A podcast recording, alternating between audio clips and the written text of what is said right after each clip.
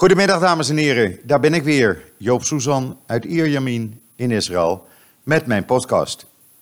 Ja, dit wordt een uh, coronavirus podcast, want er gebeurt zoveel hier in Israël rond het coronavirus dat ik u de laatste informatie wel uh, wil meegeven. Maar laten we het eerst even over het weer hebben, want ja, uh, het begon gisteren voorzichtig, maar het is prachtig weer buiten. 25 graden, strak blauwe lucht. En morgen doen we daar nog gewoon een paar graden bij. Dinsdag ook nog. Woensdag wordt het dan iets koeler. Maar uh, ja, het is echt voorjaar. Het is heerlijk. Je kan gewoon zonder jas naar buiten. Uh, en het is gewoon lekker weer. ja, jammer dat het coronavirus er dan is, zeg ik dan maar. Maar goed. Eerst even wat anders. Het blijkt namelijk, uh, we hebben het artikel uh, als scoop net online gezet. Uh, het blijkt namelijk dat er een ruime meerderheid in de Tweede Kamer is die voor verhuizing van de Nederlandse ambassade van Tel Aviv naar Jeruzalem is. Dat is natuurlijk hartstikke leuk nieuws, hartstikke mooi nieuws. Dat ook Nederland eindelijk zijn ambassade naar Jeruzalem gaat verplaatsen. De Tweede Kamer gaat daar dinsdag over vergaderen. En dan, uh, ja, uh, dan zal dat uh, vrijdag zelfs volgens de bronnen bekend worden gemaakt. Of het definitieve besluit worden genomen door de ministerraad in de wekelijkse vergadering. En dat wordt dan gelijk genomen met het besluit om Ronnie Naftaniel tot coördinator tegen jodenhaat in Nederland te benoemen. Dus ja, goed nieuws vind ik zo. Lees het artikel op joods.nl. Het kan u niet ontgaan. Uh, we krijgen daar uh, hele bijzondere reacties op. En dan uh, het coronavirus. Wat is er voor maatregelen in Israël en welke maatregelen gaan we verwachten? Nou, laat ik het zo zeggen. Er zijn ten eerste steeds meer buitenlandse maatschappijen, luchtvaartmaatschappijen, die niet meer naar Israël vliegen omdat Israël verboden heeft dat uh, inwoners uit een aantal landen Israël niet meer inkomen. En Israëli's die terugkeren uit die landen moeten verplicht 14 dagen thuis blijven. Uh, die luchtvaartmaatschappijen, dat zijn onder andere Air France, Iberia, uh, Lufthansa, Alitalia, Wizz Air. nou ja, ga maar door. En die vliegen niet meer, omdat Israëli's, ja, die mogen eigenlijk, ja, ze mogen, we mogen wel het land uit. Maar eh, niemand die het doet, want je weet dat als je terugkomt, moet je 14 dagen in quarantaine als je naar een van die landen gaat of terugkeert daarvan. Nu is het ook zo dat Nederland inmiddels op die lijst is gezet. Uh, ik heb een, wij hebben een bron binnen de Nationaal Security Council, dat is de overkoepelende organisatie die dit coördineert hier in Israël. Uh, die neemt dus de adviezen van het ministerie van Volksgezondheid onder de loep. Uh, die hebben dat vrijdag overgenomen van het ministerie van Volksgezondheid. En die wegen dan af alle uh, voor- en nadelen. We weten dat de ondergrens om een land op de lijst te zetten van landen waarvan inwoners Israël niet in kunnen, die ligt op 200 gevallen. Nou, in Nederland is dat 188, althans tot gisteren. Uh, er zullen er vandaag waarschijnlijk een aantal bij zijn gekomen, dus iedereen gaat ervan uit dat Nederland over die 200 grens uitkomt. Dat betekent ook dat uh, het besluit in principe, of in principe, het besluit is genomen en wordt officieel bekendgemaakt na afloop van de vergadering van de National Security Council in de komende uren. Uh, dat betekent uh, in de namiddag van zondag. Uh, op het moment dat dat bekend wordt gemaakt, dan zal het gepubliceerd worden, waarschijnlijk vanavond of vannacht. In ieder geval morgenochtend is het dan bekend. En ja, dan dan staat Nederland samen met België en Noorwegen en nog een hele hoop andere landen ook op die lijst. Het is ook zo dat uh, er wordt nu gediscussieerd over wat te doen met Amerika. Daar zijn inmiddels ook al uh, 12, 13 mensen overleden aan het virus. Moeten er beperkingen voor heel Amerika worden opgelegd? Reizigers uit heel Amerika of alleen uit de gebieden, de staten of de plaatsen waar dat virus heerst? Daar wordt nu over gediscussieerd en dat zullen we dan uh, ja, ook in de komende, binnen de komende 24 uur zeg maar, weten. Israël is een van de weinige landen die heel strikt en streng is voor wat betreft uh, de aanpak van het coronavirus. En mijn eigen mening is dat ik nog geen enkele keer het gevoel heb gehad bij een maatregel die werd opgelegd of werd genomen van nou, dat gaat een beetje te ver en waarom doen ze dat een beetje overdreven? Nee. Het wordt op, op, op, in Israël eigenlijk op dezelfde manier behandeld als dat er een staat van oorlog zou zijn. Dus wat houdt dat in? Dat de bescherming van de bevolking op de eerste plaats staat. Daarnaast komt natuurlijk de economie. Nou, voor de economie, ja, men is daarover bezorgd. Men adviseert bedrijven ook om niet iemand naar het buitenland te sturen. Dat gebeurt ook eigenlijk bijna niet. Je mag alleen naar het buitenland als het echt niet anders kan, als er echt een noodzaak is. En bedrijven wordt geadviseerd zoveel mogelijk aan videoconference te doen. Maar goed, daar is de kans op het maken van een deal die je anders bijvoorbeeld in high-tech conferenties internationaal maakt, is natuurlijk veel kleiner. Dus zullen bedrijven ook hier een probleem van hebben. Uh, dus wat, uh, wat ga je krijgen? Dat uh, Netanyahu heeft nu bekendgemaakt dat er een fonds uh, zal worden opgericht. Waar 1 miljard euro in wordt gestort door de overheid. 4 miljard shekel. En dat fonds zal beschikbaar zijn aan bedrijven die last hebben van de gevolgen van de maatregelen die de Israëlische overheid heeft genomen in zaken het coronavirus. Uh, voor de rest ligt er een voorstel dat de IDF wordt ingezet om publieke plekken schoon te maken elke dag. En dat zijn dan, dan moet u denken aan busstations, treinstations, openbare ruimte. Die worden dan met een bleekmiddel gereinigd, want het is bewezen dat het virus niet bestand is tegen bleekmiddelen. Uh, dat zal een deze dagen daadwerkelijk uitvoering krijgen. Daarnaast is bekendgemaakt dat er bijna 4000 schoolkinderen in quarantaine zitten. En ook tientallen onderwijzers en onderwijzeressen. Die kinderen krijgen zoveel mogelijk les via videoconference. In Israël zijn er een aantal bedrijven die daarin gespecialiseerd zijn en die hebben de techniek, of laat ik zeggen, de, de, de, uh, in plaats van het te kopen, eh, wordt het gratis beschikbaar gesteld. En kunnen scholen dus gewoon via video lesgeven aan kinderen die thuis in quarantaine zitten. Uh, wat is er nog meer? Nou, in Israël zijn alle openbare bijeenkomsten boven de 5000 mensen verboden. Uh, daarnaast zijn de meeste uh, Purim-optochten voor dinsdag afgelast. Ook de beroemde in Golon, zuidelijk van Tel Aviv, waar 100.000 mensen elk jaar op afkomen. Er worden sportwedstrijden afgelast en als ze wel worden gespeeld, is dat eigenlijk altijd zonder publiek op het ogenblik. Er wordt ook uh, bijna geen handen meer geschud. Uh, ik zie nog wel mensen elkaar kussen, maar dat, ik neem aan dat dat bekenden zijn, familie, vrienden. Uh, uh, ik heb in de mall gemerkt, vrijdag, wat een topdag altijd is in de shoppingmall. En zaterdagavond, waarop half Israël normaal gesproken naar de mall gaat.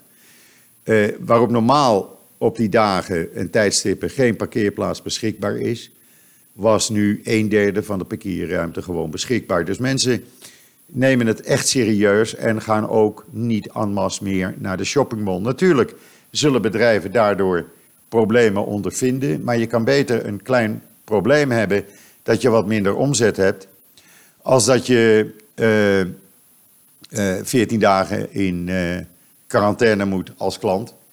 Uh, ja, als ik naar de mol ga, dan ga ik op de stille uren in ieder geval. En ik probeer bij terugkomst altijd mijn handen te wassen. Dat is een advies wat hier ook wordt gegeven. Ik denk, ik denk dat het in Nederland niet anders is. Uh, was zoveel mogelijk je handen. En dat betekent, als ik met het hondje gelopen heb en ik heb op de knoppen van de deuropening getoetst uh, om het flatgebouw binnen te komen, dan kom ik boven uh, in mijn woning en dan ga ik mijn handen wassen. En dat doe je dan de hele dag. Ja, het is even moeilijk om het aan te wennen, maar het werkt wel. Uh, en voor de rest, ja, we wachten af welke nieuwe maatregelen er nog weer meer genomen worden in Israël. Ik weet dat er een plan klaar ligt. Want wij hebben zo onze bronnen binnen de overheid. Er ligt in principe een plan klaar voor het geval het echt een enorme epidemie zou worden in Israël. Is het plan gereed om dan heel het land uh, zeg maar in een soort van quarantaine te doen? Uh, dat betekent uh, dat op het moment dat iedereen in quarantaine thuis moet zitten, dan krijg je het volgende. Je moet dan toch boodschappen doen, want niemand kan meer boodschappen voor je halen. Dan krijg je per wijk, per buurt, uh, op bepaalde tijdstippen de gelegenheid uh, je boodschappen te doen naar speciaal aangewezen supermarkten. De rest van de winkels zullen dan dicht zijn. Maar dat is alleen een plan voor als het echt totaal uit de hand zou lopen en hier tienduizenden mensen besmet zouden zijn. Nou, dat is het gelukkig nog niet. In Israël valt het aantal besmettingen mee. Dat zijn er 25 op dit moment. Uh, er is er één in een zeer slechte situatie. Dat is de buschauffeur die een groep Griekse toeristen heeft rondgereden. Die bij aankomst uh, terug in Griekenland besmet bleken te zijn. Die hebben dat waarschijnlijk opgelopen in de Palestijnse gebieden. Uh, die buschauffeur uit Oost-Jeruzalem die ligt in een ja, intensive care en die is er echt heel slecht aan toe. Men doet er alles aan om hem uh, het leven te redden. En voor de rest zijn de meeste mensen die zijn opgenomen, die 25, in een redelijk tot lichte, uh, uh, slechte conditie. Dus dat valt allemaal gelukkig mee en de verwachting is ook dat daar niemand aan zal overlijden. het aantal gevallen wat er dan bij komt, ja, dat ligt hier op een paar per dag. Het waren er gisteren vier. En dat waren dan mensen die, eh, waarvan men wist waar ze vandaan kwamen. Eh, er kwamen twee mensen uit Spanje, Barcelona en Madrid. Eentje uit Zurich en eentje kwam uit Venetië. En wat doen ze dan hier? Dan staat gelijk, uh, alle vluchtnummers worden in de kranten vermeld. Ook de plaatsen waar die mensen zijn geweest, een supermarkt, een restaurant, een koffieshop. Dat wordt allemaal vermeld, wanneer ze er zijn geweest, hoe laat ze daar zijn geweest en welke plaats natuurlijk. Zodat iedereen die daar in, uh, op datzelfde tijdstip is geweest of op diezelfde vlucht is geweest, voor zichzelf weet van, oh jee, nou moet ik toch even in quarantaine gaan. En zo werkt dat hier. Er wordt niets achtergehouden. Het wordt in alle openheid wordt het naar buiten gebracht. En ik denk ook dat dat juist is. Niet zoals in Nederland om maar te roepen uh, van we hebben het onder controle en uh, wij nemen onze maatregelen. Ja, welke maatregelen dan in Nederland? Want ik zie gewoon alle sportwedstrijden met publiek doorgaan. Uh, alle grote bijeenkomsten, festiviteiten gaan gewoon door. Er is geen limiet in Nederland aan hoeveel mensen bij een festiviteit of congres aanwezig mogen zijn. Daar moet je iets tegen doen. Dat kan gewoon niet, want die besmetting die gaat gewoon als een lopend vuurtje de hele wereld rond. Ik zei vanmorgen op Twitter al, ik vraag me af waarom er in Nederland zo weinig wordt gesproken over de situatie in Afrika. Waar hier wel over wordt gesproken, want ook daar zijn enorm veel uh, viruspatiënten. En de medische situatie in Afrika is nou niet zoals in Europa of Israël of Amerika. Dus daar komt nog heel wat ellende vandaan binnenkort. Let maar op. Ja, en dan uh, uh, ja, Bethlehem, de Palestijnse autoriteiten doen gelukkig voor één keertje precies zoals Israël de maatregelen neemt. Ze hebben Bethlehem compleet van de buitenwereld afgesloten.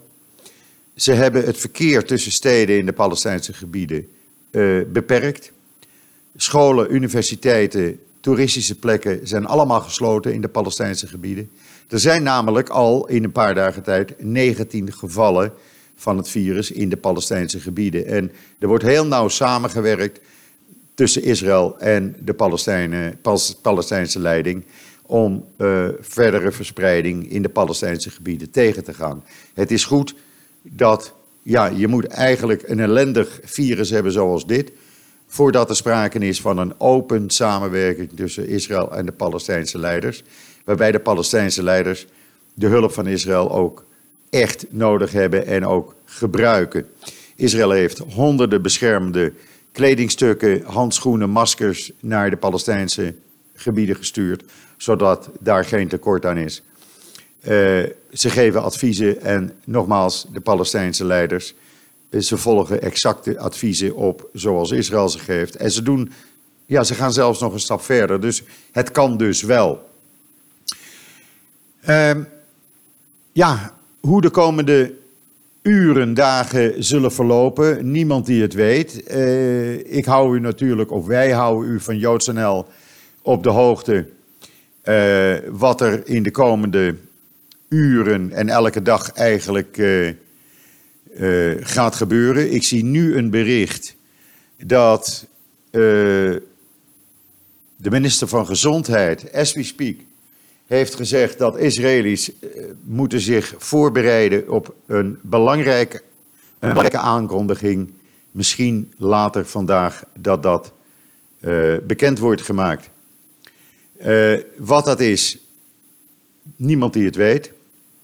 we zullen het zien, we moeten het afwachten. Het zijn big steps, staat dat in, in dat artikel. we wachten het af wat daar gaat gebeuren. Ik lees ook dat Birthright die jaarlijks duizenden uh, jongeren vanuit de hele wereld uh, via tiendaagse gratis trips naar Israël brengt. Tot mei aanstaande alle trips heeft gecanceld. Uh, er wordt niemand meer naar Israël gebracht door Birthright. Ja, en zo gaat dat gewoon door. je moet wat doen om het virus tegen te gaan. En uh, als dat niet uh, gebeurt, dan krijg je alleen nog maar grotere ellende. Ik merk het echt hier op straat. Ik merk het in de shoppingmalls, zoals ik u zei. Uh, je merkt het eigenlijk dat Israël, ja, Israëli's zijn nooit zo gehoorzaam aan de overheid. Maar ja, in dit geval, je hebt eigenlijk weinig keus.